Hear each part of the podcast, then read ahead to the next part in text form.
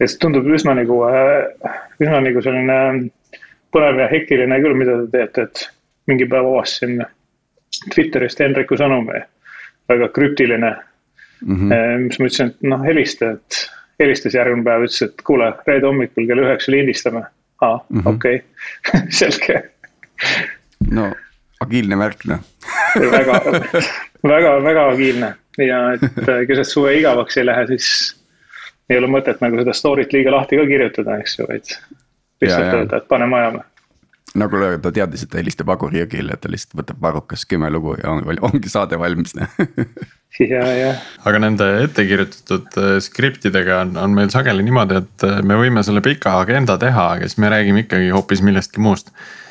ja siis läheb sellest agendast mööda, et siis polegi mõtet pikka juttu ette plaanida, et äh, agiilselt saab paremini jah, meil jah, mõne, mõned äh, momendid on olemas ja ma tean, et ühes teises chat'is Agur äh, koondas mõtteid, äh, sealt tuli puhast kulda eriti just raamatusoovituste näol, et seekord ma arvan, peab kindlustama selle, et meil need show notes'id jõuavad ilusti Facebooki postitusesse. ja seal oli mõned päris, päris, päris lahedad raamatud ja, ja, ja link ühele isegi videole, et et vanade võitluskaaslaste käest keset suve küsida sellist küsimust, et mis tuleb peale Agile'it? noh, ma arvan, et kõige sellisem populaarsem vastus, vastus oli see, et äh, peale Agile'it äh, tuleb purjetamine ja kaatrisõit. või äärmisel juhul nagu äh, motika, motikaload. see on tõe, tõenäoliselt jah, see küll, okei okay,, kuule ja saade ongi läbi et kui teed nagu mõned aastad edukalt Agile'it, eh, siis selle tagajärjeks on see, et sa pead lihtsalt nagu hakkama purjetama ja kaatriga mere peal sõitma. aitäh meie kuulajatele. Aga ma arvan, enne kui lõpetame et... äh,, hakkame siis pihta, enne kui lõpetame, siis alustame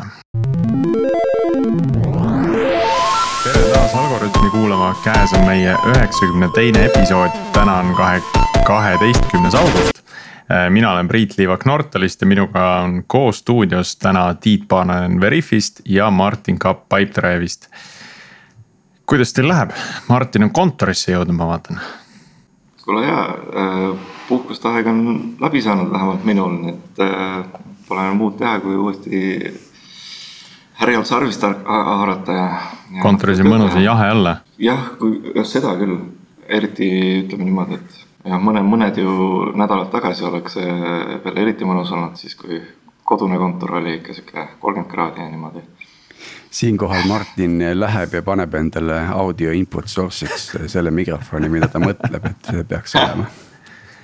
vaata siis meie kuulajad saavad kohe, kohe teada, mida tähendab äh, õige mikrofon aga Priit, vastates sinu küsimusele. Veriffil on ülioluline nädal äh, praegu käsil, mis on siis nii-öelda selline company meeting nädal, kus üle maailma inimesed tulevad kokku ja. ja libistame koos seda ja teist ja, ja räägime mesijuttu ja lahendame üleval olevad probleemid näost näkku, et äh, eelkõige sel praegustes tingimustes selliste suuremate ürituste korraldamine on, on äh, suur väljakutse aga õnneks tuli appi meile Certificap, kes siis eh, koordineeris kõik selle testimise, mis inimestel on vaja, et turvaliselt ennast koos tunda ja. ja, ja, ja asi läks väga-väga sujuvalt. oota, see on nüüd äh, mingisugune startup, mis on selle jaoks püsti pandud just või, või mingi? jaa, Certific on, on Liis Naruski, Taavet Hindrikuse ja doktor Jack Grindleri Äh, üritus, äh, mis siis äh, tagab selle, et inimesed saavad teha kodus igasuguseid teste, mida saab teha, aga teha neid kontrollitud tingimustes, ehk siis see test, testi tegemine on, on jälgitav ja, ja siis see tulemuse valideerimine on, on ka tagatud siis spetsialistide poolt, et, et oluliselt lahendab, noh, ma ei tea, Skype ühendas maailma inimesed, TransferWise tegi kõike kümme korda kiiremini ja odavamalt et, et Certific on umbes sama raja peal praegu. just testimise suunal, väga huvitav. jaa. nii, nüüd me oleme kaotanud Martini vahepeal, aga meiega on endiselt äh, meie äh, tänase episoodi külaline äh, Agur Jõgi ja Aguriga me räägime täna agiilsest arendusest ja, ja võib-olla vaatame, kindlasti vaatame hoopis kaugemale. ehk siis me ei räägi sellest, mis asi on agiilne arendus ja mis, mis see täna on. vaid teeme seda ennustamise tänamatut tööd ja räägime sellest, et mis tuleb pärast agiilset arendust ja kuhu tarkvaraarenduse protsess edasi areneb. ja kuidas see võiks ühte sammu käia siis ka programmeerimise arenguga. Äh, Agur, ole hea, räägi mõne sõnaga sellest, äh, mida, millega sa oled tegelenud ja, ja mis sul, mis sul parasjagu käsil on? ja tere kõigile siis ka äh, minu poolt, tore olla lõpuks üheksakümne teise episoodi külaliseks nii toredate inimeste ja, ja nii ägedate kuulajatega. mu ajalugu hakkab peale tegelikult sellisest ägedast kohast nagu TPI. ja tegelikult veidikene enne seda juba Saaremaa Ühisgümnaasium, mis oli üks esimesi äh, Eesti koolisid, kes endale sai äh, Agati nimelised arvutid. algul oli neid ainult üks ja siis me tassisime seda kodust kodusse öösel ja päris mõnus oli kella kahest kella neljani nagu olla, äh, olla arvuti taga sealt edasi siis tuli TPI või tänane Tehnikaülikool, seal sai sellist majanduslikku andmetöötlust, mis on midagi IT ja, ja majanduse ja juhtimise segu või nende kõige vahepeal.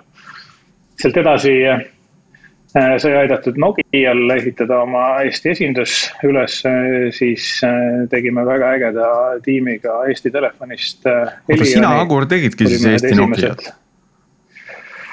põhimõtteliselt küll jah. nii kaua äh, otsiti. selleks Eesti Nokiaks sai ilmselt, ilmselt see digitelevisioon, mis äh, täna endiselt äh, Telias väga palju kliente on saanud. aga sealt me seda Nokiat otsisime tegime jah, ja sealt edasi tuli, tuli päris palju selliseid fintech'e ja startup'e. ja kunagi selle Eesti Telefonist Telia tegemise ajal mäletan üks sihukene tol hetkel Äh, lühikeste pükstega pisikene äh, poisike nimega Margus Pärnsalu, kes täna on väga soliidne süsteemiarhitekt. Äh, tuli ja koputas üks hetk mu ukse peale ja küsis, et kuule, aga miks me seda kõike agiilselt ei tee. ja tol hetkel ei olnud sellest suurt midagi keegi kuulnud, tema oli tont teab kuskohast sihukest sõna nagu lugenud. natukene mõtlesime selle üle ja, ja võib-olla päris pihta ei saanud nüüd tagantjärgi vaadates Äh, tuleb tõdeda, et nii mõnedki asjad said tegelikult väga agiilselt või väga agiilse tootena nagu ehitatud, et, äh, et semantika ei seganud asju, äh, asju õigesti tegemast. Ehk et sellist palju tehnoloogia tausta, palju tehnoloogia juhtimise ja planeerimise tausta, vahepeal sain Martini ja Tiiduga tuttavaks Skype'i aegadel. ja sealt edasi on siis. oota, Agur, aga millal siis see oli, millal Margus ütles, et kuule, agiilsus, mis värk on? Äh, see pidi olema, ma arvan, mingisugune sihukene kaks tuhat kuus, seitse, ma usun mm. -hmm. kindlasti nagu mõne aastaga panen nagu äh, nats mööda, aga ma arvan, et umbes sellises, sellises suurusjärgus pidi see, äh, see sündmus juhtuma. ma mäletan, mul endal oli vist oligi esimene kokkupuude, kui ma läksin Skype'i, siis Akadeemia tee kakskümmend üks kontoris oli külmkapi peal oli Agile manifesto ja siis ma hakkasin vaatama, mis asi see on aga noh, eks ta tuli sellest, äh, sellisest hästi klassikalisest äh, probleemist, et ükskõik, äh, mida sa tegid või õigemini, et ükskõik, mis ebaõnnestus, siis rohkem või vähem need juured alati jõudsid kuskile IT-sse ja tehnoloogiasse, et. et justkui oli väga hästi planeeritud, aga, aga kesiselt teostatud ja siis ja, sealt tekkis. kahe tuhandendatel oli, oli see eraldi meetrika oli nagu tarkvara äh, projektide äh, nii-öelda success rate, et seda kuidagi jälgiti ja, ja, ja sellega üritati nagu waterfall'ile siis sellisele nii-öelda lagging meetrikana nagu näidata, et, et siin meil läks hästi siin. ja noh, ikkagi vist oli niimoodi, et mingi üheksakümmend protsenti läks üle aja ja üle eelarve, et Gartner isegi tegi selle kohta mingil ajal tohutuid uuringuid ja müüs seda päris priske raha eest äh, maailma suurettevõtetele ja siis seal benchmark iti jah, et ettevõtted, kes jõudsid kümne protsendi success'ini, et äh, neid toodi sellisteks absoluut, absoluutseteks äh, edunäidisteks ja. ja kõik proovisid saada nagu võimalikult nende sarnasteks, et.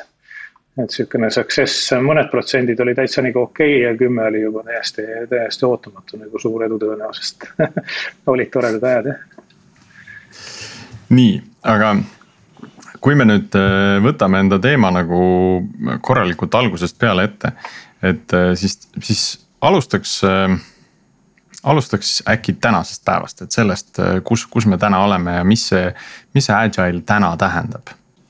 Ehm, ma tegelikult tegin isegi ühes, ühes Fleevi grupis selline äge sõnumirakendus nagu Fleep. Et äh, kes tahab ennast tõeliselt eksklusiivselt tunda, et äh, liituge veel nii kaua, kui on võimalik. Äh, aga seal on, seal on mõned väga lahedad nagu grupid ja, ja, ja seal ühe seltskonna käest ma küsisin sedasama küsimust, et mis peale Agile'it saab või, või, või mis asi see Agile üldse on. siis sealt minu arust nagu sihukene mulle hästi, hästi sobiv ja, ja, ja minu arusaamisega kokku minev äh, definitsioon tekkis, et, et, et, et agile ja kodeerimine ei pea tingimata üldse nagu seotud olema, et see on pigem nagu, äh, pigem nagu vahend olukordade jaoks, kus on väga palju inimesi selles tootmisahelas ja inimeste vahel alati tekib, tekib segadust. Ja et Agile on viis, kuidas sellisest inimestevahelisest kommunikatsioonist tekkivate segaduste ka võimalikult efektiivselt eh, ja kiirelt eh, ja edukalt hakkama saada. jah, ja noh, tänases maailmas lihtsalt on palju ka nagu programmeerimist ja tehnoloogiat, eks ju, et siis ta jõuab hästi palju ka tehnoloogide lauale, aga. aga iseenesest ta ei ole mitte nagu programmeerijate töökorraldus, vaid, vaid pigem nagu programmeerimiseni viivate otsuste käigus tekkivate segaduste likvideerimise vahend mm. -hmm. see on huvitav vaade, sest mina olen alati seda vaadanud Äh, pigem niipidi, et, et kuna, kuna programmeerimises on selline äh, hästi suur loominguline komponent, et öeldakse, et programmeerimine on kunst. et, et siis, et, et seda nii-öelda kompenseerida või sellest et kuna sellist loomingulist protsessi väga hästi waterfall'i protsessi ei pane või ta ei ole nii selgelt planeeritav, nagu oleks mingisugune tööstus Äh, tööstustootmisprotsess, et siis, äh, siis agile just äh, aitab planeerida ja. ja, ja seda protsessi juhtida, mis on, mis on loominguline, et see sobib sinna paremini. ma sellise kommunikatsiooni poole peale pole, pole selles võtmes mõelnudki teine asi, mida ma mõtlen, võib-olla kui nüüd tuua siia Aguri põhimõttele juurde siis osad praktikad vähemalt noh, ütleme paaris progemine ja nii edasi, et need on nagu otseselt nagu lahendavad seda programmeerimise poolt, eks ju, et. et, et või, või see iteratiivsus äh, ju noh, õppimine toimub nagu selle käigus, kui töö, töö toimub, eks ju, et, et. et, et selline iteratiivsus toob sellesse äh, nagu ülesandest arusaamisesse nagu oluliselt äh, noh, ütleme, ta on nagu jõudlus on suurem nii-öelda, et, et et äh, sa ei saa kõike ette välja mõelda, sa pead nagu hakkama proovima ja siis vaikselt äh, nagu asi areneb sealt, et. jah, aga kuskohast see teema nagu mulle üldse lauale hüppas, et, et mis saab peale agiilsust, et äh, mu tänane nagu elu ja töö on seotud suuresti sellega, et ma aitan erinevatel ettevõtetel siis oma selliseid tarneprotsesse teha. eelkõige siis tehnoloogilise tarne, IT-arenduse tootearenduse poole peal teha protsesse kiiremaks, täpsemaks, tulemusi natukene, natukene võib-olla rohkem ennustatavaks teha, kui, kui lihtsalt lootus, et äkki tekib kunst.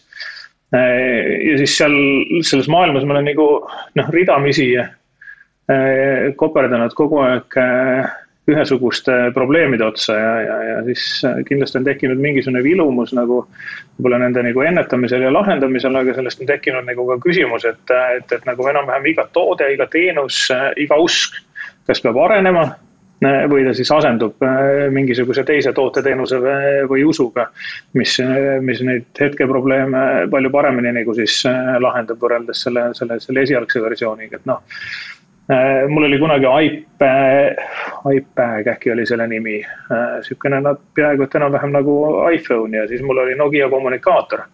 mis iseenesest oli ju ka natuke nagu sihukene nagu iPhone, aga, aga mõlemad tulid ja läksid nii kiiresti, et äh, ei jõudnudki neid õigesti kasutama hakata ja nüüd on nagu iPhone'id palju, kümme pluss aastat ja kõik muudkui kasutavad ja ja on jätkuvalt nagu väga rahul ja kõik teised tootjad on ka siukseid asju tegema hakanud, et neid kommunikaatoreid vehiti nagu väga vähe nagu maha, ehk et et justkui lahendati mingisugust probleemi, aga ei tajutud päris hästi vajadust, siis tuli keegi, kes sai aru, mis on päris probleem ja ja nüüd see kõik toimib ja, ja mul Agile'iga on nagu olnud alati enam-vähem nagu sama nagu muster, mida, mida praktiliselt alati õnnestub nagu läbi elada, et kõigepealt insenerid ütlevad, et mis jama see sihuke on, et andke meile task'id kätte, me teeme nagu ära.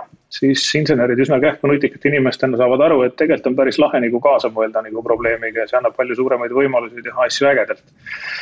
ja siis äh, alguses äh,, alguses on need tootejuhid ja ärijuhid, kes ütlevad, et aa noh, väga tore, nüüd on nagu metodoloogia, kuidas siis need äh, IT-mehed lõpuks ometi nagu hakkavad midagi produktiivset tegema Äh, ja et, et, et meil pole väga suurt vaja midagi mõelda, sest meil on siin kahe aasta jagu nagu backlog'i juba varasemast nagu ees. ja siis selgub, et see backlog näritakse nagu kolme kuuga nagu läbi ja siis tuleb nagu kõigile, kõigile tootejuhtidele ja ärijuhtidele suure üllatusena, et, et backlog ei ole ise täitub, äh, vaid et seda tuleb ka täita ja siis äh, ühel hetkel kipub tagasi tulema niisugune nagu näpuga näitamine, et justkui nagu töö käib, aga tulemust ei tule ja, ja, ja, ja käive ei muutu või kasumlikkus ei muutu või klientide arv ei muutu ja. ja kõik sellised nagu tsüklid käivad läbi, mille nagu noh, see päeva lõpuks see küsimus on, et. et kuidas tuvastada see üks ühine nagu äh, vaenlane kohe algusest peale, et, et, et kogu ettevõte võimalikult ühte nagu sellesse mõttemustrisse saada, et noh, eesmärk ei ole tingimata ortodokselt äh, mingisuguseid äh, Agile'i kirjeldatud äh, protsessi samme järgida, kuigi ka distsipliinist on muidugi väga palju nagu abi selle juures. aga see ei ole eesmärk, et eesmärk on tegelikult kliendile nagu kiiremini ja sobilikumal viisil talle nagu sobivat lahendust toota ja noh, tegelikult peaks olema see, see kõigi huvi nagu alates ettevõtte tegevjuhist kuni kõige noorema IT Äh, IT-tiimi liikmeni, et, et, et, et äh, eesmärk peaks olema kõigil üks, aga kuidagi erinevatel ajaperioodidel valmisolek sellist ühte sammu astuda või motivatsioon ühte sammu astuda on, on, on nagu väga, väga nagu kõikuv, ehk et noh, see on üks challenge olnud nagu alati minu jaoks, et kuidas nagu enne selle muudatusega pealehakkamist äh, kogu nagu tiim, kogu ettevõte võimalikult ühtsele stardijoonele üles ribistada niimoodi, et kõik saavad aru, et neil on tegelikult esimesest päevast alates nagu roll kanda ja mulle kuidagi tundub, et seal on võimalik ilmselt asja natukene paremini teha, kui lihtsalt Agile manifesto nagu äh, äh, kuhugi külmkapi peale nagu kleepida. Mhm. ja teine nagu challenge, mis on yeah. tekkinud, on see, et järjest rohkem, eks ju, masinad nagu toimetavad, äh, andmed on järjest põhilisemad. aga mis siis, kui kliente ei olegi? ehk et kui sa mõtled nagu tõeliselt suurest enterprise'ist, kus on tohutult palju nagu datat ja leida sealt nagu see kõige õigem viis nagu selle dataga käituda, on see, see kõige õigem andmemudel see kõige õigem nagu äh, andmete puhastamise organiseerimise nagu viis, kõige õigemad viisid, kuidas siis need tohutud andmemassiivid anda nagu teistele tiimidele nagu kasutamiseks, kes sealt siis omakorda võib-olla hakkavad alles otsima midagi, millest võiks nagu kliendile väärtus tekkida. ehk et kui Agile'i loogika on see, et noh, et tarnida kliendile midagi kõige paremini, aga kui sul ei ole klienti noh, sellist äh, väga ehedat nagu päriselt kahel jalal tänaval kõndivat klienti, kellele sa saaksid oma esimest MVP-d või prototüüpi tutvustada ehk noh, need on võib-olla siuksed olukorrad, kus, mis on pannud nagu küsima, et, et Agile peab kas kuhugi arenema või sinna Agile'i juurde või asemele peab nagu midagi tulema, mis, mis ühelt poolt nagu seda stardikiirendust ja stardiplatvormi parandab ja teiselt poolt, mis lahendab ka siis siukseid olukordasid, kus, kus päris klienti otseselt ei ole, ei olegi olemas võib-olla. aga prooviks võib-olla äkki kuidagi tekitada nagu agiilsete arendustiimide välimääraja, et äh, sul on, äh, Agur on äh, kogemus agiilsest transformatsioonist Skype'is ja, ja ka Bigbankist, et, et millised tiimid on olemas, et, et, et kui ma mõtlen ise, siis, siis esimesed korrad nagu olid justkui mingid põhimõtted, see backlog tundus nagu väga laheda ideena ja kui see on ka järjestatud nii-öelda selle järgi, kui palju erinevat äh, nagu backlog siis nii-öelda tükk, noh, et ülesanded või epikud nagu väärtust loovad, et. et, et äh, aga siis tuli mingisugune koolitaja, kes ütles, et nüüd peab tegema kõike nii ja kui see, kui seal mingi probleem tekib, siis, siis mine randa ja lase probleemil endal nagu ära lahendada. ja, ja, ja, ja siis põhimõtteliselt kõik enda kogemused nagu näitavad seda, et ühtegi nagu seda metoodikat või lähenemist nagu puhtalt keegi tegelikult ei rakenda, et. et kellel pole Scrum Mastereid, kellel pole Pole nagu workflow täpselt selline nagu protsessi ette näitab, eks ju et, et prooviks neid kategoriseerida, neid tiime, et kuhu, sest kõik on justkui teevad, teevad mingisugust hübriidi. isegi XP-d ei tehta puhtalt. distsipliini puudumine et selles mõttes isegi XP-d ei tehta puhtalt, et äh, kui me vaatame meie ja. kõige kuulsamat äh, tegijat, Codeborne'i, et ka nemad on rääkinud ju, et äh, sageli tehakse koos. aga on ka väga palju neid hetki, kus arendajadki lähevad eraldi ja teevad oma, oma asja ja siis tulevad jälle kokku tagasi ja jätkavad. et sellist puhast protsessi rakendust nagu ei olegi minu jaoks nagu selles maailmas ei ole nagu pigem nii oluline see, et kõik kuidagi ortodokselt seda kõige esimest äh, kirja pandud äh, Scrumi või Kanbani äh, protsessi järgivad, et, et, et stand-up peab alati toimuma kuskil kohas, ajal ja viisil ja et et mingisuguseid task'e backlog'is tohivad liigutada ainult need inimesed ja mingit teist back, task'i tohib keegi, keegi teine nagu liigutada, vaid mu jaoks on pigem nagu oluline see, et hakkab nagu umbes nagu sellest peale, et see tiimi suurus on mu jaoks nagu äh, võib-olla üks nagu selline oluline asi. ehk et kommunikatsioon saaks üleüldse ette efektiivne olla, ei tohi tiim olla nagu liiga suur. siis teine on nagu see tiimi nagu skill set.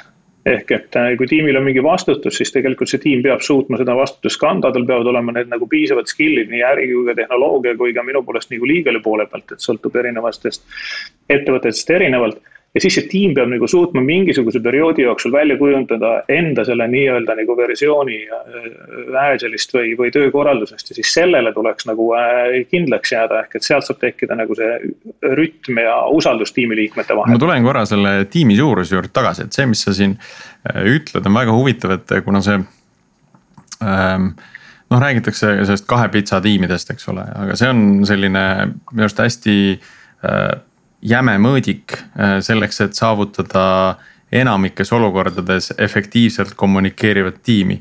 Äh, aga see, mis, mis sa siin välja tood, et, et oluline just see kommunikatsioon. kui kommunikatsioon töötab hästi viieteistkümne inimese vahel, siis see võib ka olla väga nii-öelda agiilne tiim, et me võime öelda selle kohta agiilne tiim kui see kommunikatsioon toimub, eks. hoolimata sellest, et selle tiimi suurus on võib-olla tavapärasest äh, kaks korda suurem jah, ja seal nagu kindlasti tuleb juurde vaadata ka, et mis on selle kommunikatsiooni hind. ehk et, et kui sprindist pool läheb kommunikatsiooni tagamisele, siis muidugi jah, kui tõesti toodetakse väga exceptional, väga erakordset nagu tulemust.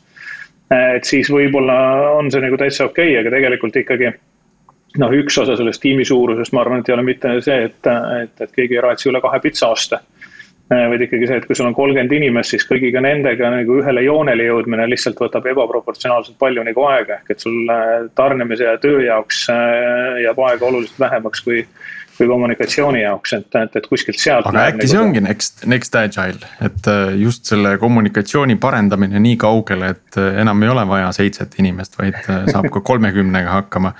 et see noh, need viisid, kuidas see kommunikatsioon viia sellisele tasemele et, et need kolmkümmend inimest oleksid samal lainel ja samal lehel. Ja ma arvan, et seal ja noh, mulle kuidagi tundub, et äh, see on, see on tõesti üks nagu äh, selge nagu suund ja, ja ma arvan, et seal on üks hästi kriitiline äh, lüli nagu veel, mis peab juhtuma, on see, et sellised juhtivad insenerid või, või senior engineer'id või kes, kuidas neid kutsub, peavad päriselt tahtma aru saada, millise kliendi, millist probleemi me nagu lahendame, et noh, et see ei oleks nagu lihtsalt niisugune sõnakõlks et, et, et insenerid ütlevad äh, jah, me nagu äh, punapeadele lahendame seda probleemi.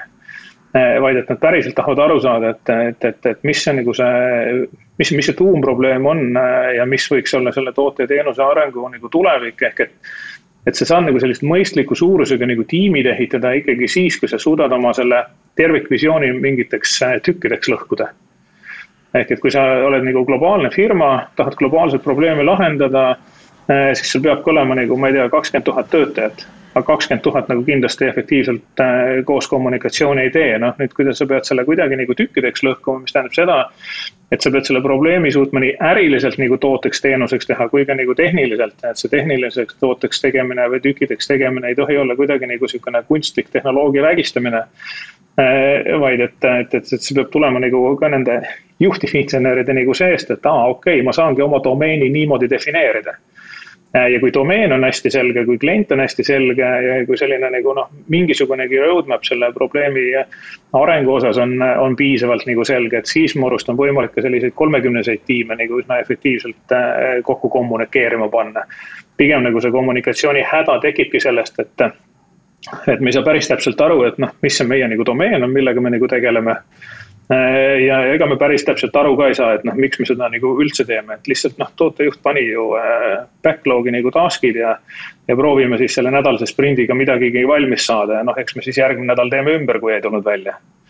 et mm, -hmm. et, et ühelt poolt. Priit, sul jah, sul oli, oli vist, kuna sa tõid selle suurema tiimi näite, et sul on äkki mingi retsept, mida sa võid kohe välja käia selle kommunikatsiooni nagu parandamiseks. On see mingi rituaal, mingisugune äh, käitumismuster, mis seda tekitab, tagab?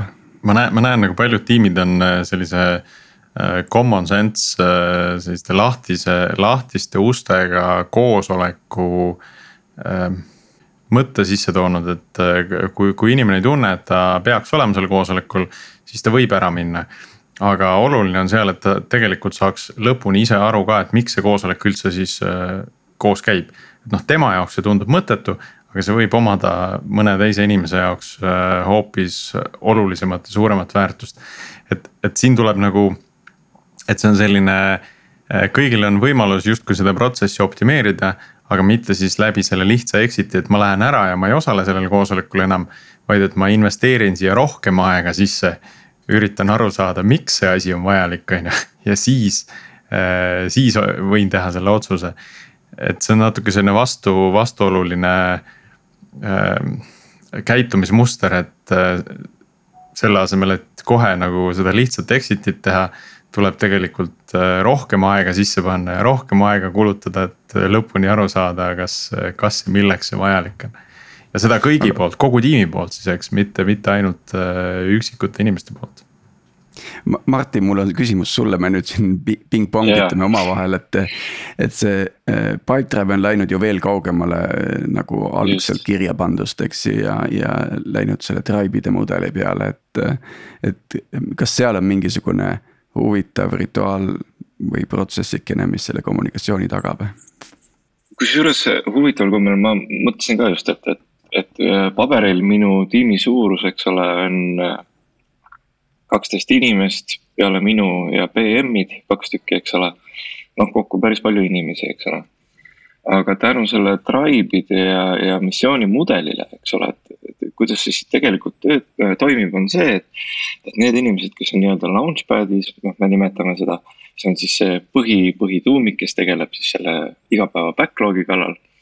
Nemad töötavad sihuke suhteliselt äh, sihuke kanbanliku äh, stiili järgi, eks ole, aga see launchpad'i suurus on kuskil vahemikus neli kuni seitse-kaheksa inimest, ehk siis ta tegelikult on nagu, tekibki sellest selline dünaamiline Scrum tiim või agiilne tiim, eks ole. ülejäänud inimesed lähevad missioonidele ja missioonide tiimide suurus samamoodi kolm kuni viis inimest, vahel on natuke suurem. Ja, ja missioonidel ma olen tähele pannud, et seal nagu võetakse veidi rohkem Scrumi, et kuna see on nagu sihuke deadline'iga projekt, siis on väga hea jagada see näiteks nädalasteks äh, tükkideks ja siis toimubki, et seal samamoodi stand-up'id iga hommik äh, toimuvad äh, vahereview'd, eks ole, ja siis iga nädal vaadatakse, et ah, mis me nüüd oleme jõudnud teha ja mis järgmine. et tegelikult see on nagu kahte erinevat sorti võib-olla agiilset lähenemist, mis on kokku pandud, aga lihtsalt tiimid on dünaamilised. Ja mis moodustavad siis selle viieteistkümnese tiimi, ongi nagu Agur ka mainis, et. et see on see meie domeen, on teatud need projektid, mille, millega või noh, need teatud tooteosad Äh, mida me kõik tunneme, eks. ja, ja see, see annab ka no meile võimaluse minna nii-öelda siis sellesse teise ajutisse Scrum tiimi oma, oma teadmistega, sest et parasjagu selle funktsiooni või uue asja implementeerimiseks on neid teadmisi näiteks vaja. Või, või meil oleks näiteks vaja õppida, siis on ka see väga hea võimalus, et ma lähen nagu ajutiselt nagu nii-öelda sellesse tiimi ähm,. teen seal tööd äh,, commit in sinna ja, ja ma saan sealt uued teadmised ja mis see täpselt seesama asi, mis, mis Priit ütles, et see annab võimaluse nii-öelda opt-out ida äh, nendest äh, traditsioonilistest võib-olla siis äh, miitingutest, sellepärast et sa oled ju hetkel teises tiimis, eks ole, sa ei pea nagu olema too hetk kõigega kursis ja kui sa tuled tagasi siis on niikuinii catch-up'id ja, ja kõik sellised asjad ka, et see kuidagi. aga see level on juba teine, eks ole, et see on. Äh, jah, et, et, et siis sa võtad suuremalt, võtad kokku ja siis noh, ise, ise nagu töötad sellega veidi, et aru saada, mis vahepeal siis nii-öelda see launchpad või see põhituumik on, on teinud. ja noh, võib öelda, et on äh, sellisel dünaamilisel osal on väga suur, on suuri plusse ehk siis äh, äh, meil on võimalik väga palju õppida ja teha mingeid muid asju, eks ole, aga on ka miinuseid. juhul, kui ikkagi launchpad on väga väike, ehk siis äh, backlog'i kallal töötab ainult võib-olla kaks-kolm inimest, meil oli suvepuhkuste hetkel ka hetki, kus mõned päevad oli ka üks inimene ainult tiimis kohal. et siis ütleme niimoodi, et suurt progressi too hetk kindlasti ei toimu, et äh, aga noh, seda peab nagu arvestama lihtsalt mm. -hmm. aga samas äh, võimalused ja õppimisvõimalused on, on ikka väga head.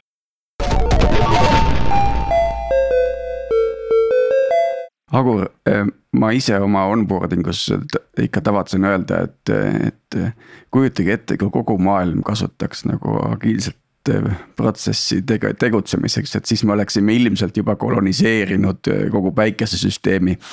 et mm, sina oled nagu nüüd erinevate ettevõtetega ja oma praeguse tööga ka nagu näed ettevõtet kõrvalt.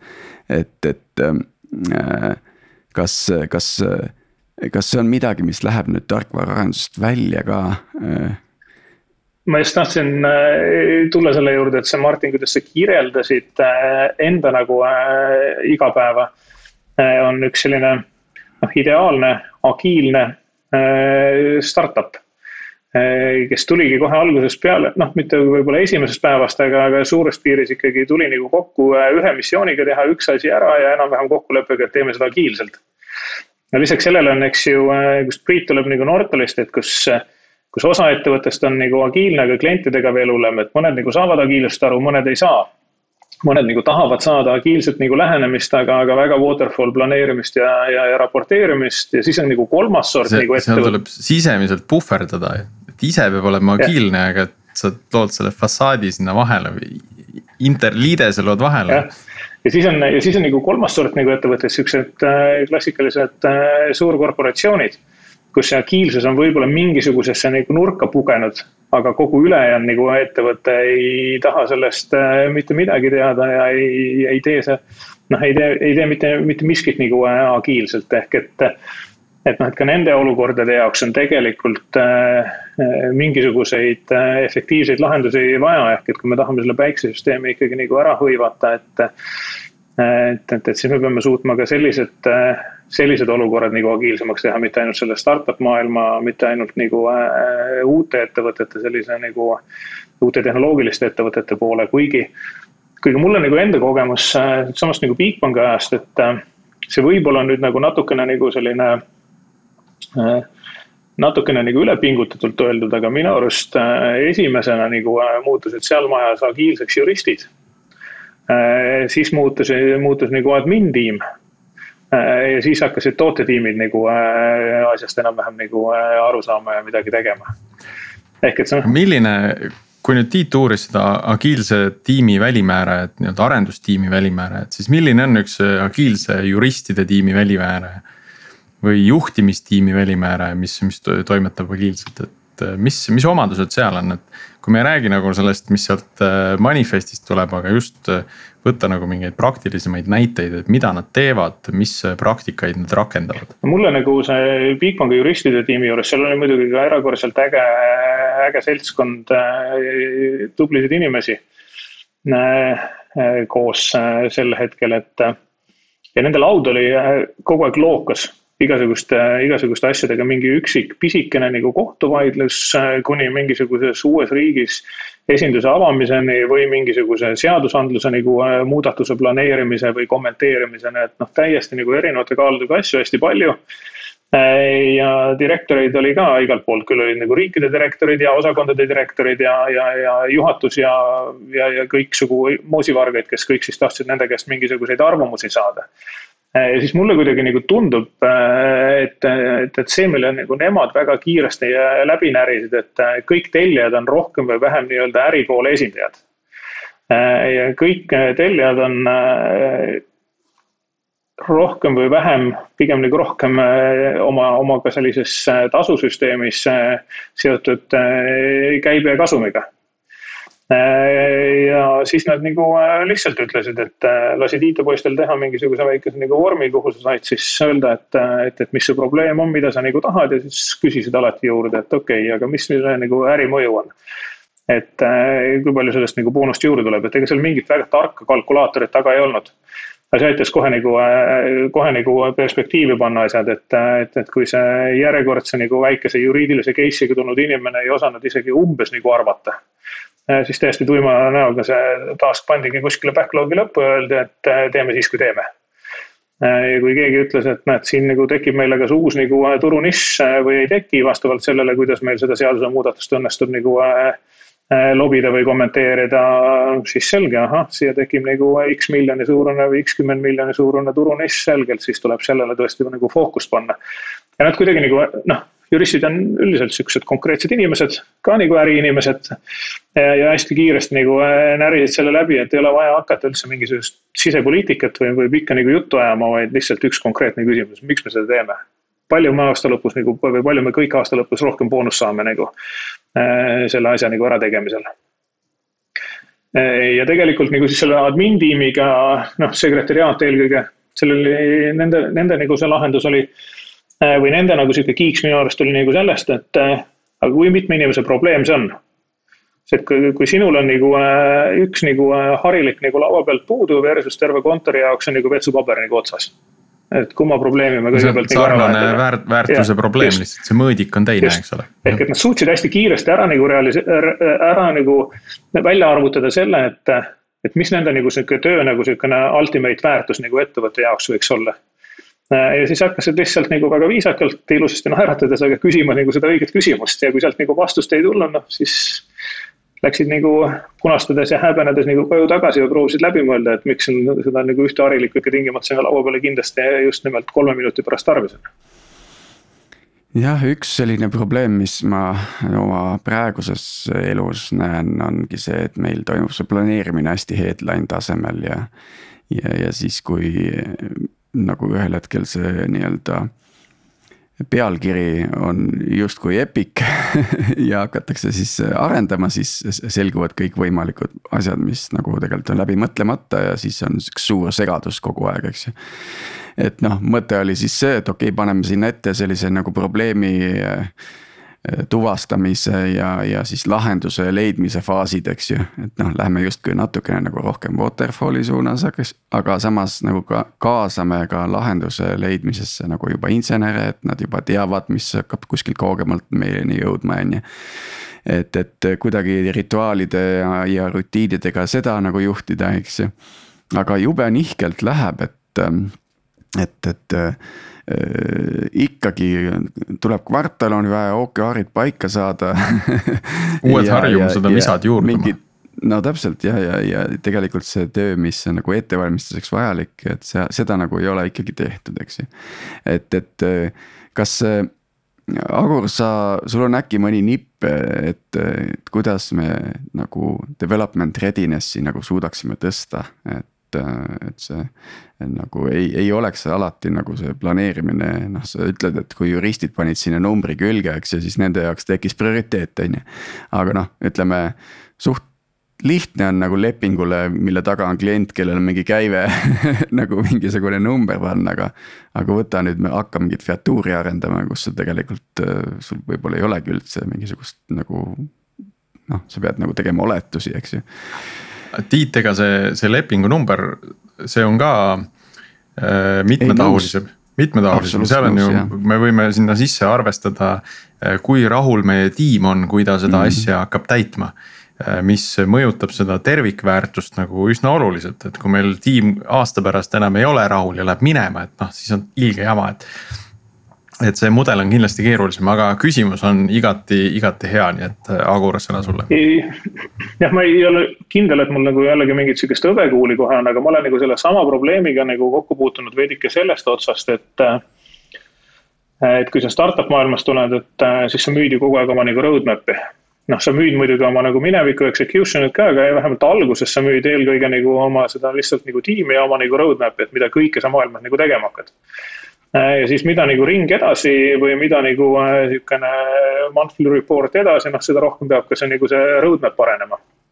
Äh, ja siis kipub nagu sellele ärijuhtimisel ja tootejuhtimisel äh, minemagi tohutu nagu äh, ressurss sellele, et, et, et mõeldagi neid isegi mitte päris epikuid, vaid, vaid midagi veel, mis sealt epikust veel kõrgemal võiks nagu olla et, et, et, et seda roadmap'i nagu joonistada ja siis tiim jääb nagu järjest rohkem nagu üksinda ajamuududes, kus kohas siis need vaesed insenerid, kes, kes tegelikult ei ole väga palju nagu proovinud sellest kliendist ja, ja reaalsest nagu domeeni, domeeni olemusest aru saada. kogu aeg siis proovivad justkui midagi nagu toota ja siis hakkad, siis kuskile tekib mingisugune mehhanism, mis proovib siis seda roadmap'i ja seda nagu reaalset tootmist nagu hakata nagu kokku lükkama ja. ja mina olen nagu äh, järjest rohkem nagu kasutanud ja soovitanud kasutada sihukest nagu loogikat, et et backlog ei, backlog võiks olla nagu äh, äh, lõpuni nagu estimeeritud, aga backlog ei tohiks olla pikem kui nagu niisugune kaks, kolm, neli sprinti. ehk et kuskil võib tõesti olla selline roadmap, kus on nagu ideed nagu visioonina.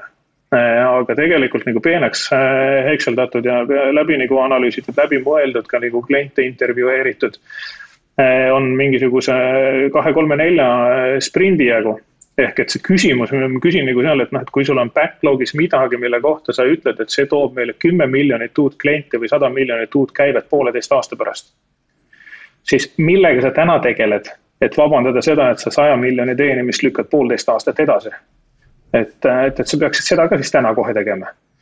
Ja kui sul on täna nagu juba veel ägedamaid asju, ehk siis täna teenid kahtesadat miljonit äh, ja sellepärast peadki sada miljonit edasi lükkama, see on küsimus, et aga äkki sa võiksid nagu kaks tiimi juurde palgata nüüd ja kohe, sest sada miljonit tundub olevat niisugune asi, et, et, et tegelikult peaks selle raha kohe üles korjama.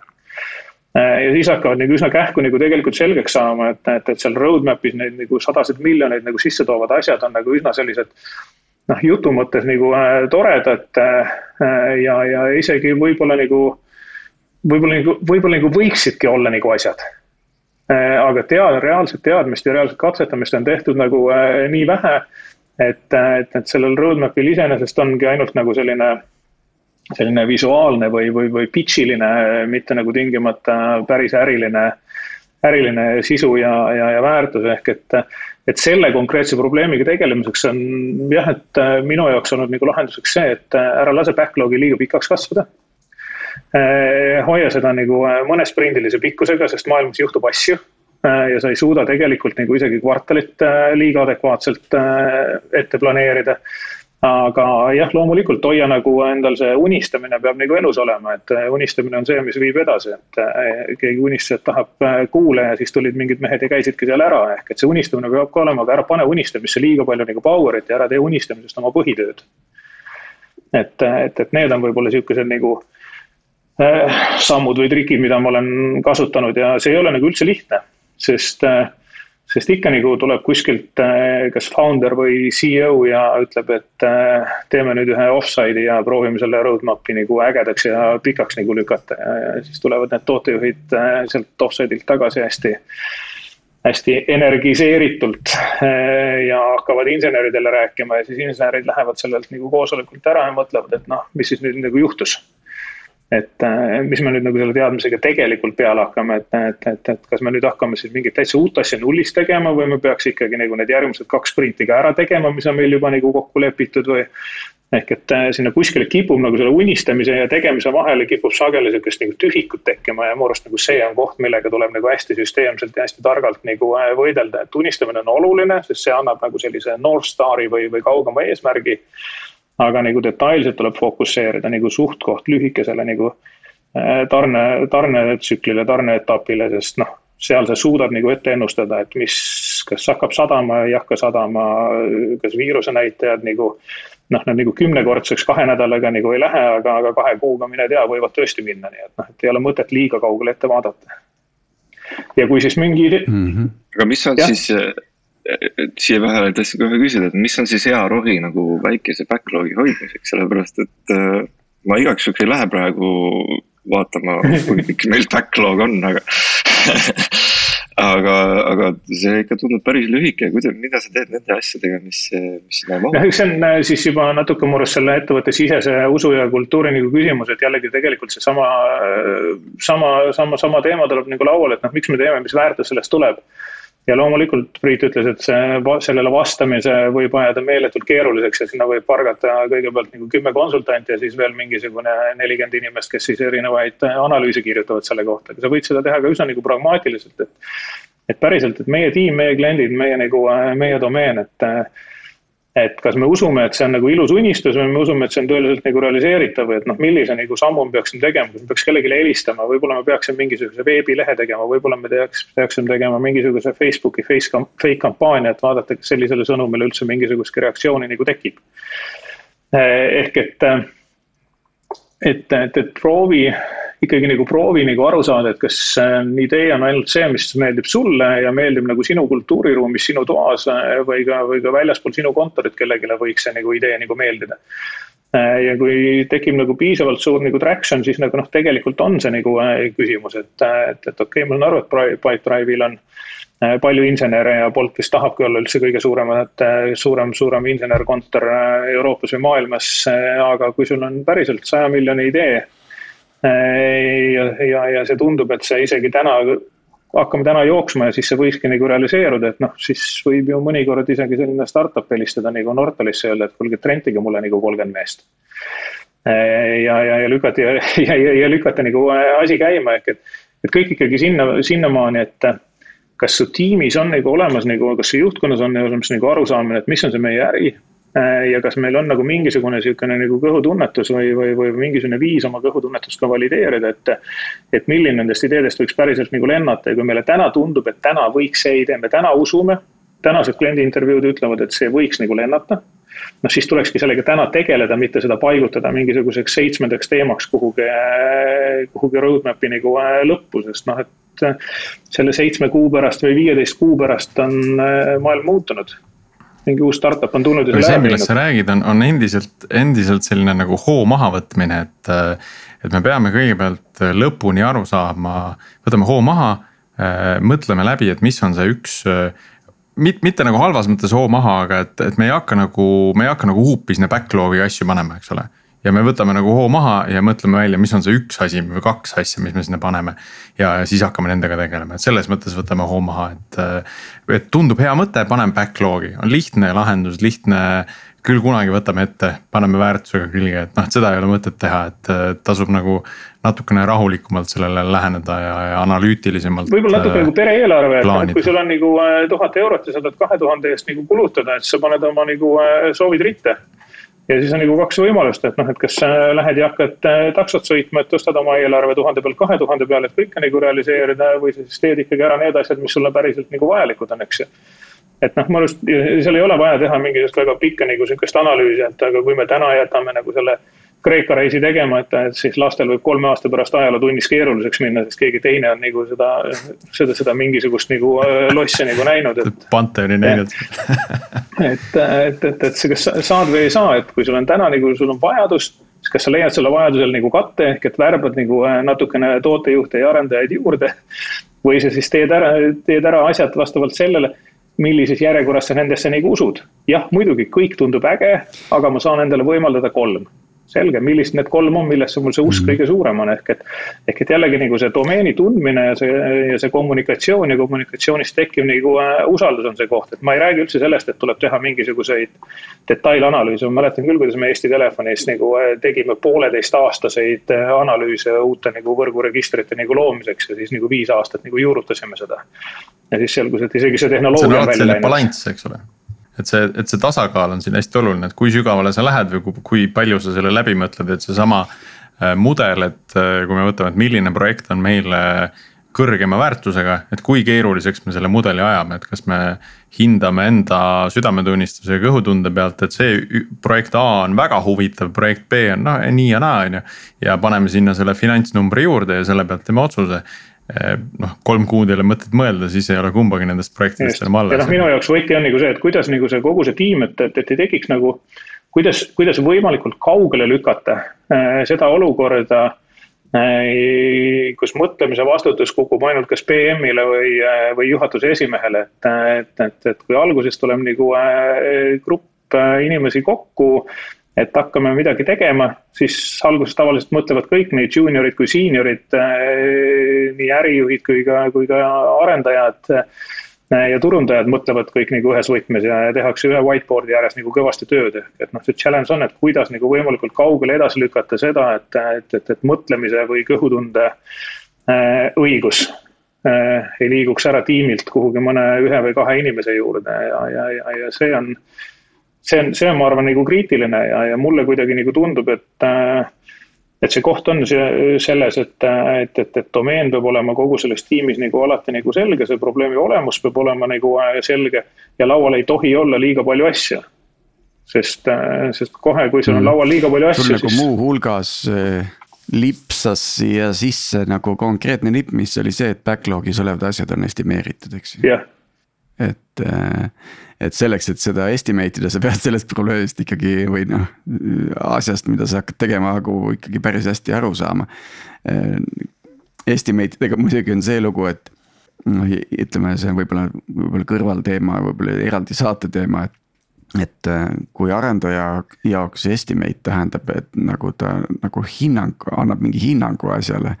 siis manager'ide jaoks estimate kõlab nagu commitment'ina mm. -hmm ja aga see on jällegi minu jaoks, äh, läheb jälle sellesse äh, samasse võtmesse ehk et äh, ehk et usaldus, et noh, inimesed on nagu, inimesed on erinevad tulenevalt oma nagu erialast, aga tulenevalt ka oma nagu omaenda nagu olemusest, noh, ekstroverdid, introverdid võib-olla on kõige lihtsam nagu sihukene skaala, mille peal, mille peal mõelda, et mõni mees täna ei ütle midagi, aga tuleb homme ja ütleb, et kuule, ma nagu õhtul mõtlesin selle üle ja tegelikult need asjad on hoopis niimoodi, ehk et noh, sa pead. sa pead, sa pead hoidma nagu selle kommunikatsiooni ikkagi ikkagi nagu äh, hästi lahti äh, ja, ja needsamad manager'id peavad aru saama, et mida see estimation nagu arendajale tähendab ja, ja, ja arendaja peab nagu aru saama, et, et, et manager ei nõua nagu tähtaega mitte sellepärast, et see on kuidagi manager'ide nagu töötõendisse või, või, või kutsetunnistusse nagu kirjutatud. Äh, vaid tegelikult noh, see on lihtsalt osa nagu elust, et, et, et lihtsalt unistamine, lihtsalt millegi tegemine ei, ei ole nagu mõttekas enne, kui klient selle eest nagu ei maksa ja, ja klient ei hakka enne maksma, kui sa ei ole turundust teinud ja noh, sa ei saa turundust teha nagu enne, kui sa ei tea, millal see umbeski võiks nagu valmis saada, ehk et noh, see tsükkel nagu peab olema kõigile nagu arusaadav. ja siis kõik peavad aktsepteerima nagu noh, oma rollist tulenevaid või erinevatest rollidest tulenevaid isiksuse nagu eripärasid, et.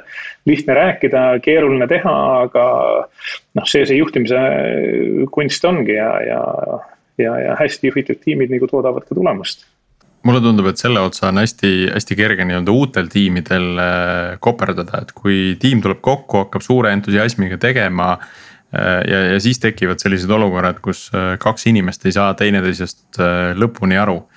et üks küsib hinnangut, teine ütleb mingi hinnangu aga noh, üks ei saa aru, mida see hinnang teise jaoks tähendab ja teine ei saa aru, et miks seda hinnangut küsitakse. sest ka need põhjused võivad ju, võivad täiesti erinevad olla, et ja kui, kui see arusaamine, kui tiimid on juba tükk aega koos töötanud, siis kuidagi need silutakse nagu töö käigus enam-vähem ära. aga sellest äh, sageli nii-öelda otse ei ole kunagi räägitud, et noh, võtame nüüd, istume maha, räägime natuke, et mida sina ütled mulle numbri, mida mina selle numbriga teen et miks mul seda numbrit üldse vaja on või miks me sinna backlog'i neid hinde, hindeid paneme, et. see on minu jaoks natuke jälle selline hoo mahavõtmine, et, et me ei saa nagu minna galoppi minema, vaid äh, tuleb nagu mõista, mida me teeme mm,. aga kas siis, kas siis ajaline hinnang või keerukuse hinnang? Lähe, hakkame puurima nagu seal võivad mõlemad olla aga kas ei tundu, et sinuga tegelikult äh, tegu veel vaata sihuke psühholoogiline barjäär, et kui sul on nagu natukene ülemus ja, ja all või vahet ei ole, mis, mis sorti nagu erinevad trepiastmed on ju. et kui keegi kõrgemal trepiastmel alati küsib sinu käest, lihtsalt tahab teada huvist.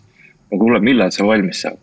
siis see, kes on seal alumise astme peal, see mõtleb kohe, kurat, ta tahab seda varsti saada. miks ta muidu küsib seda, on ju ja, ja juba tekibki selline pressure nagu, mis sest, et teine lihtsalt.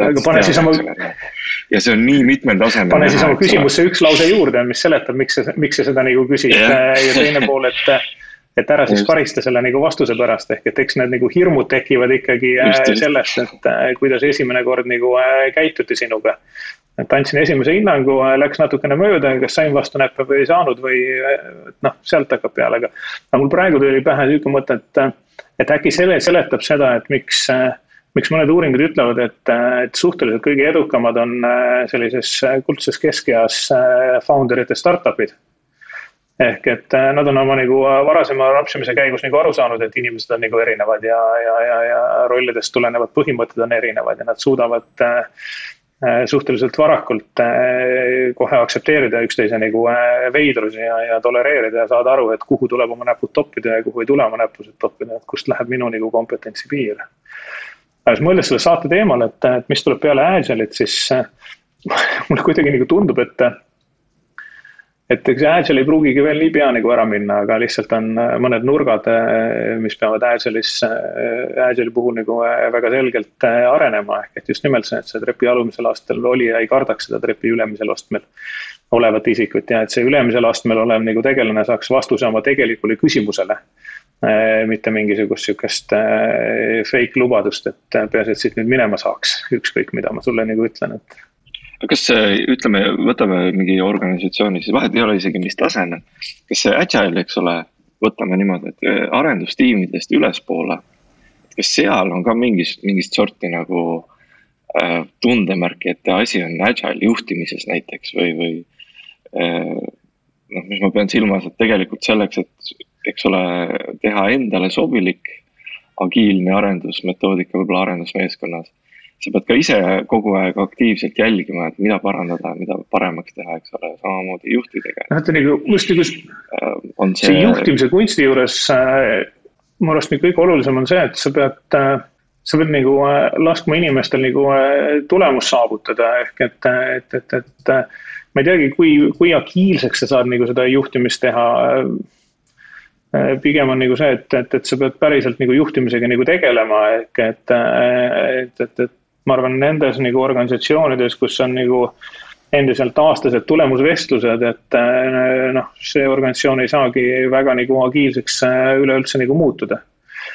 Eh, või, või need kohad, kus kohas on väga palju selliseid juhte, kes on olnud oma valdkonnas nagu tõesti võib-olla maailma parimad nagu spetsialistid ja siis mingisugusel põhjusel on nagu promote itud juhiks ja, ja võib-olla isegi suhteliselt kõrgel tasemel nagu juhiks Äh, ma kardan, et seal ka nagu liiga palju agiilsust ei tule, sest seal nendel juhtidel äh, kindlasti tekib üsna sageli olukordasid, kus ah, ma olen, teen siis parem ise ära või ma ütlen täpselt ette, kuidas teha, sest noh, ma olin ju ise olingi nagu maailma tasemel või vähemalt Euroopa tasemel tippspetsialist.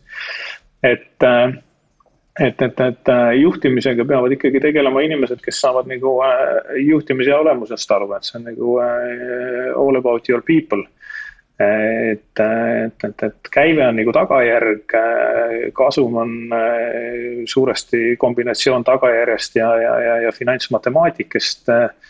ja, ja tegelikult nagu see juhtimise ülesanne on jah, lasta nagu inimestel nagu äh, võita ja noh, siis sealt tulebki nagu see koht, et okei okay,, et kas juhid suudavad üle ettevõtte kokku leppida, et mis on need nagu põhipost, noh, põhilised reeglid, millest me siin nagu ettevõttes nagu kinni peame, et et noh, et kui juhtub nii, et üks tiim nagu teebki Eesti-Ameerika ainult kaks-kolm nagu äh, sprinti, aga kõik teised äh, keskend-, panevad tohutu power'i selleks, et oleks alati kuusteist sprinti ette nagu estimeeritud. et noh, siis ongi juba nagu paigast ära, et noh, mingisugusest tiimist tuleb kogu aeg väga nagu täpselt, äh, täpselt tulistatud delivery't. ja mingisugustest teistest tiimidest tuleb kogu aeg nagu sihukest visiooni, mis kõik võiks juhtuma hakata, aga enamasti nagu mitte miskit nagu väga palju nagu ei juhtu, sest kogu aeg see visioon jookseb eest ära, enne kui sa jõuad midagi nagu reaalselt nagu tegema hakata, et. et ma arvan, et see on see juhtimise kunst, et, et, et kuidas nagu ettevõttes läbivalt vähemalt nagu mõnedest olulistest noh, et mis need mõned olulised mõõdikud on, mida me igal juhul jälgime ja kuidas me siis tagame, et meil nagu ettevõttes läbivalt on tegelikult nende nagu mõõdikute vastu nagu äh, kõik hästi ja, ja, ja korras mm. -hmm ma mõtlen nüüd sellise noh, on ennem käis ka läbi see nii-öelda multifunktsionaalne või cross-funktsionaalne tiim, eks ju, et, et seal on ühes tiimis on erinevaid oskusi, eks ju. noh, täna me siin startup ides ja tarkvara arendades, süsteemi ehitades näeme seal nagu ütleme, tootejuhti, disainerit, arendajaid, võib-olla testijaid, võib-olla mingisugust analüütikut või noh, kui me läheme korralike tiimideni, võib-olla mingi toote marketing'i inimest, eks ju, et, et. ja kes suudab nagu autonoomselt nagu kogu stack'i kliendini viia, et tal on võimalikult vähe sõltuvusi, eks ju. noh, siis hakkab asi edasi arenema, et kes siis selle infra teeb ja kes eskaleerib ja nii edasi, on ju. ühesõnaga läheb tegelikult päris suureks tiimiks kokku lõpuks ära, on ju. et äh, kui me vaatame nüüd tulevikku, eks siis mingid funktsioonid on tulevikus tähtsamad. mingid funktsioonid ei ole enam nii tähtsad, äh, noh, kui ma mõtlen näiteks infrat, siis see on sisuliselt tänaseks juba kood, eks ju Äh, ja kui ma mõtlen nagu koodi kirjutamist, siis, äh, siis tegelikult süsteemi saab ka ehitada mingitest teistest tükkidest, et ei pea originaalkoodi kirjutama, eks, et. et kuidas see nagu mõjutab nende agiilsete tiimide tulevikku? noh, eks seal need aplikatsioonikihid lähevad äh, järjest õhemaks ja noh, seal sa saad olla väga agiilne, sest seal on sul nagu reaalne klient olemas, sa saad kogu aeg nagu kliendi intervjuusid teha ja. ja, ja siis sa paned tõesti tükkidest, paned nagu oma selle selle funktsionaalsuse kokku, aga noh, see funktsionaalsus elab, eks ju siis äh, äh, paljuski andmete peal, kas sinu enda omade või, või, või kuskilt äh, kokku ostetud ja kokku kraabitud nagu andmete peale, ehk et. et minu jaoks nagu võib-olla üks nagu siukseid suuri küsimusi on, et, et, et kuidas need äh,, kuidas need nagu mootori sees toimuvad protsessid ja eelkõige nagu andmetega seotud protsessid ja agiilsus nagu kokku sobivad, ega mul siin nagu väga, väga head mm. lahendust ei ole, et see oli ka natuke põhjus, et miks ma selle tweet'i äh, äh ülesse panin, mis, äh, mis Henriku äh, silma ka mingisugusel hetkel jäi, et, et, et, et mis tuleb nagu peale agiilsust, sest noh, järjest. minu arust nagu järjest olulisemaks muutub nagu see, et, et kuidas mootori sees on asjad targalt tegelikult ära tehtud ja just see, see datamaailm on nagu see teema, mis, mis mulle nagu isiklikult nagu äh, huvi pakub, et kui kõik, kui need õhukeste aplikatsioonikihid on nagu äh, väga agiilsed, siis tegelikult ju mida sinna aplikatsioonikihte siis välja paisatakse nagu suuresti otsustatakse. otsustatakse selle nagu data pealt, aga kuidas nagu tagada, et, et seda datat on piisavalt, et ta on nagu kiirelt nagu töödeldav, et ta nagu on usaldusväärne Äh, ja need küsimused on midagi sihukest, kus sa ei saa minna nagu tänavale küsima kellegi nagu äh, Jimmy või Peetri käest, et. Äh, kuule, me tegime siin andmete, andmemaailmas nagu sellise nagu mudeli ja sellise nagu kontrolli, mis sa arvad selle eest? või et kas sa ostaksid selle, kui me paneksime selle App Store'i ülesse? Tiit, mulle tundub, et mina, mina arvan, et see teeb elu aina keerulisemaks sest kui sul on ainult arendajatest koosnev tiim ja, ja üks arendaja ütleb, et meil on vaja teha seda asja. siis teine arendaja väga hästi mõistab aga kui sul seal tiimis on juba marketing inimesed, siis ei, ei, et noh, meil on vaja seda kampaania asja arendada, et noh, see on see kõige suurem väärtus. ja need erinevad rollid ei, ei pruugi nii hästi seda väärtust tajuda, et neil on juba see peamine fookus on rollist tulenevalt äh, kallutatud, seal on mingi selline bias äh, sees. Äh, pluss nende arusaamine nagu sellest teisest kontekstist ja teisest mõnevõrra nagu teistsugusest domeenist on, on, on teistsugune et, et see teeb nagu ainu-, ainult keerulisemaks seda, et seda kommunikatsiooni on jällegi rohkem vaja, seda põhjendamist, et mi, miks meil mm. seda kampaaniat on vaja, miks meil selle kampaania jaoks on vaja arendada mingisugune plönn, mis meile lisaanalüütikat kogub, on ju. et äh, kus me seda kasutame ja, ja samuti mm. mulle meeldis.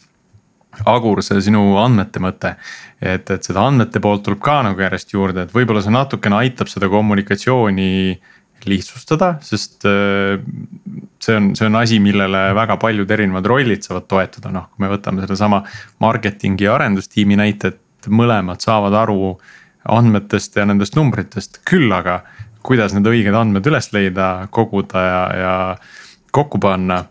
Äh, noh, see, see on, see ülesanne jälle on ikkagi keeruline me peame tegema ikka selle piirangute teooria saate ka ära, et äh, piirangute teooria ütleb siis, et et äh, lokaalsete optimumide summa ei ole optimaalne tervik, et, et, et äh, kui, kui arendajad või tootejuhid või, või toote marketingi inimesed, tooteturunduse inimesed midagi hästi teevad, siis sellest paraku ei pruugi äh, nõel liikuda. toob jälle keegi võiks, keegi võiks proovida seda ja siis oma tulemusi näidata, et kuidas selline, kuidas selline tiim kuule, seda. kui efektiivne see on? seda proovitakse kogu aeg, iga päev, et võtta suvaline funktsioon suvalises ettevõttes ja ta üritab oma parimat, aga ettevõte on keskpäraste tulemustega. no selle nimi on ilmselt juhtimise kunst. aga võib-olla siin on see koht, et. jah, aga et ma tahtsin lihtsalt kommenteerida, et tegelikult, et see agiilsed metodoloogiad, eks ole, et, et aga teoorias ju, ütleme teoorias et kas see ju peakski hoopis seda kommunikatsiooni nagu lahendama, eks ole, et, et sa võid tegelikult panna ju erineva kombinatsiooniga sellesama tiimi kokku, eks ole. ja, ja, ja kui su kommunikatsioon on efektiivne ja, ja visibility või mis, mis see eestikeelne vaste sellele on, kui see visibility tõuseb kõigile, siis noh teoorias see võiks nagu töötada muidugi. ei, ma arvan, et nagu praktikas tegelikult jah, kuidas saavutada, see on ilmselt raamatuid, uurimistöid ja, ja saateid väärt teema, aga, aga. aga see küsimus ongi nagu see, et kuidas tagada äh, selle, selle tiimi sees siis ikkagi probleemi ühtne mõistmine. ehk et äh, noh et kuidas tagada see, et kõik nagu oma lokaalset optimumi nagu õiges suunas nagu otsiksid, ehk et mitte nagu turunduse mõttes optimumi ja müügi mõttes optimumi. vaid nagu selle domeeni äh, probleemi mõttes nagu äh, optimumi. et, äh, et see on, see on, see mu jaoks nagu võti ja, ja see on võib-olla, millest me siin päris saate alguses ka rääkisime, et ka kolmekümnene tiim võib olla väga nagu agiilne ja, ja, ja väga efektiivne, kui kõik saavad aru, mida nad nagu teevad, ehk et kui ei lähe nende lokaalsete vigade tegemisest tekkivate konfliktide lahendamisele ja siis mingisugusele uutele pro, pro, protsessi KPI-de väljamõtlemisele liiga palju aega ei auru, vaid et, et, et tiim tajub, et see on meie domeen. see on meie nagu põhiprobleem. klient, kasutaja või partner on nagu öelnud, et need on nagu kriitilised kohad, fine et mida ma nüüd nagu saan oma skill idega nagu kõige paremini ära teha, et, et, et, et need tingimused oleks nagu täidetud, jah, see ei ole kõige nutikam nagu turunduskampaania, ilmselt ma kuldmuna selle eest ei saa. aga see vastab ära nagu küsimuse, mida nagu klient on nagu küsinud võib-olla see on see Tiidu mõte tegelikult lähebki käima, eks ole, et kui su tiim on piisavalt suur ja see viga või üldiselt, mis viga. probleem avastatakse sealsamas tiimi sees, kõik teavad, et probleem avastati, keegi sellest, sellest samast tiimist uurib lahendust sellele kõik on nagu kogu aeg jooksvalt kursis, et. Eh, jah, paberil paistab kõik super ilus, aga üks paber, mis on ka tehtud eh, agiilsuse peal või eh, ütleme, jah mis sa, Agur, arvad sellest scaled agile framework'ist, nagu olen sinna paar korda sisse vaadanud ja. no püha püss, kus on erinevaid rutiine ja formaate ja, ja metoodikat ja workflow'd minu jaoks on see. Entry, exit kriteeriad ja nii edasi. minu jaoks on see nagu- natuke nagu äh,, nagu, nagu ministeerium, ma ei ole kunagi nagu ministeeriumis töötanud, aga, aga mulle tundub, et kui juba ministeerium luua, siis on tal võime nagu äh, poolduda üsna nagu kiiresti. ja, ja, ja kasvada nagu äh, üsna, üsna, üsna heas tempos, sest äh, kuskilt on tulnud mingisugune seadus, äh, mis tingib uue ametniku palkamise ja siis ühel hetkel see ametnik paneb nagu seadusesse veel ühe koma juurde ja siis saab jälle järgmise ametniku palgata, et see scaled agile framework tundub nagu ka sihukene keskpärase juhtimise tagajärg. Ehk et kui juhid ei ole viitsinud juhtimisega liiga palju tegeleda, siis nad on mõelnud välja mingisuguse sellise ühtlustamise nagu protsessi, et äh, mis iganes see vabandus on, et äh, et suurkorporatsioonides on vaja mingisugust juhtimisvertikaale ja maatrikseid või loogikaid, aga, aga minu jaoks see toodab nagu juurde selliseid selliseid nagu eba, ebapraktilisi nagu tegelasi, kes ei ole osa ühestki domeenist, kes ei ole nagu vastutavad ühegi nagu, ühegi nagu probleemi eest. aga nad on millegi nagu mõõtmise eest kogu aeg nagu vastutavad ja sellest tulenevalt siis sunnivad tiime oma olemust nagu optimeerima, et, et jällegi pildina nagu noh, jah, täitsa tore, jube keeruline äh, olles täna nagu konsultatsioonimaailmas, siis mulle meeldib, ma saan nagu sinna nagu sadu tunde müüa konsultatsiooni, aga, aga, aga ettevõtte vaatevinklist ma ei tea. ei, ma mõtlen, et selliseid mudeleid on lihtsamates või selliseid rolle lihtsamates mudelites ka ju, Scrumis on samamoodi Scrum Master nii-öelda funktsioonina olemas küll, aga. kelle roll on aidata, aidata, fassiliteerida ja nagu optimeerida. agiilsetes tiimides ju on nagu üks selline postulaat või üks, üks tõde, mida järgitakse, et, et, et seal inimesed ei allu üksteisele, vaid need töötavad koos nagu tiimina samas nagu, nagu noh, ükski, kõik millise tiimi sa nagu väljakule saadad, siis nagu päris lõpuni efektiivselt nad ei suuda ilma, ilma mingisuguse coach imiseta nagu olla, et kuskil peab ikkagi mingi treener varem või hiljem nagu tekkima. et võib-olla nagu Eesti kümnendas liigas sa nagu võidadki nagu mängusid, aga, aga hiljemalt nagu kolmandas ja neljandas liigas sa hakkad ikkagi juba nagu peksa saama, kui seal lihtsalt mehed tulevad, lähevad väljakule, igaüks jookseb täpselt selles kohas väljakul, kus ta ise tahab ja teeb seda, mis talle parasjagu huvitav tundub et mingisugune coach imine peab olema, et minu jaoks nagu Scrum Master on üks nagu enam alahinnatud äh, või alaväärtustatud nagu ressursse kogu selles maailmas, et minu arust nagu Scrum Master ongi tegelikult nagu selline nagu hea juht. ta ei ole nagu, äh, ta ei ole nagu sellise noh, otsustusõiguse mõttes või hierarhia mõttes nagu tiimijuht. aga tema on nagu ainus seal tiimis, kes tegelikult saab kokkumängu orkestreerida ja seda kokkumängu järjest nagu fine tune ida, ehk et see peab olema üks nagu nutikamaid tüüpe tiimis üldse. Selle scaled agile'i probleemina sa näed siis just seda hierarhia olemasolu? ja, hierarhia, ma ei oska nagu väga palju nagu häid asju näha, mida nagu see hierarhia nagu juurde toob, kindlasti on erinevaid olukordasid, äh, kus võib-olla on hierarhial ikkagi nagu väärtus. et siis, siis me oleme samal lehel lihtsalt, lihtsalt jällegi sa rääkisid sellisest äh, toetavast rollist, mis mulle tundus, et äh, noh, tegelikult on ju mujalgi olemas. et aga jah, vastus, et see scaled agile framework no jah, ma arvan, et paljudel inimestel on tänu sellele tööd ja leiba. ehk et vilet on palju, palju sealt nagu tulemust minu jaoks on meil nüüd siin see episoodi aeg hakkab ka lõpule jõudma, juba on äh, omajagu pikemaks osutunud see. aga ma veel siia lõppu ikkagi lisaks selle, et, et see on nagu pusle, mida saad mitut moodi tegelikult kokku panna, äh, mulle näib. et, et see, kuidas, äh, kui meil on hästi fokusseeritud tiimid, ehk siis on marketing tiim arendustiim, ma ei tea, testimise tiim, admin'i tiim mingites situatsioonides see võib töötada, kui kõik need tiimid äh, siis äh, sihivad sama visiooni poole ja saavad sellest visioonist äh, samamoodi aru. mida rohkem neil tekib neid sidusaid kohti, seda keerulisemaks see kommunikatsioon läheb, et neil on, neil on vaja kommunikatsiooni teha. Ja, siis, kui me tekitame need lõimitud tiimid või ristfunktsionaalsed tiimid, siis jällegi see, need missioonid peavad olema hoopis, hoopis teistsugused, et. et need tiimid ise tegutsevad siis mingi, mingi visiooni suunas. aga võib-olla me selle visiooni peame teistmoodi siis defineerima selleks, et, et need tiimid saaksid efektiivsed olla, et see on noh, et seda puslet võib mitut moodi kokku panna. Äh, et, et saavutada sarnast eesmärki, aga see, see, kuidas seda kokku panna, et see on just keeruline mm -hmm. osa. et maatriksi juhtimine iseenesest on täiesti okei okay asi, niikaua kui on selge, et milline nagu maatriksi nagu telg juhib Äh, ja millised on nagu need maatriksi teljed, äh, mis nagu lihtsalt seavad kas mingisuguseid lisapiiranguid või, või annavad täiendavaid kriteeriume. Kui kõik maatriksi teljed proovivad korraga nagu juhtida, noh siis on äh, sihukene keskpärane corporate aga siinkohal ütlen Agor sulle aitäh, meil oli väga huvitav vestlus, nagu ikka, me jõudsime episoodi lõpupoole nende kõige põnevamate teemadeni.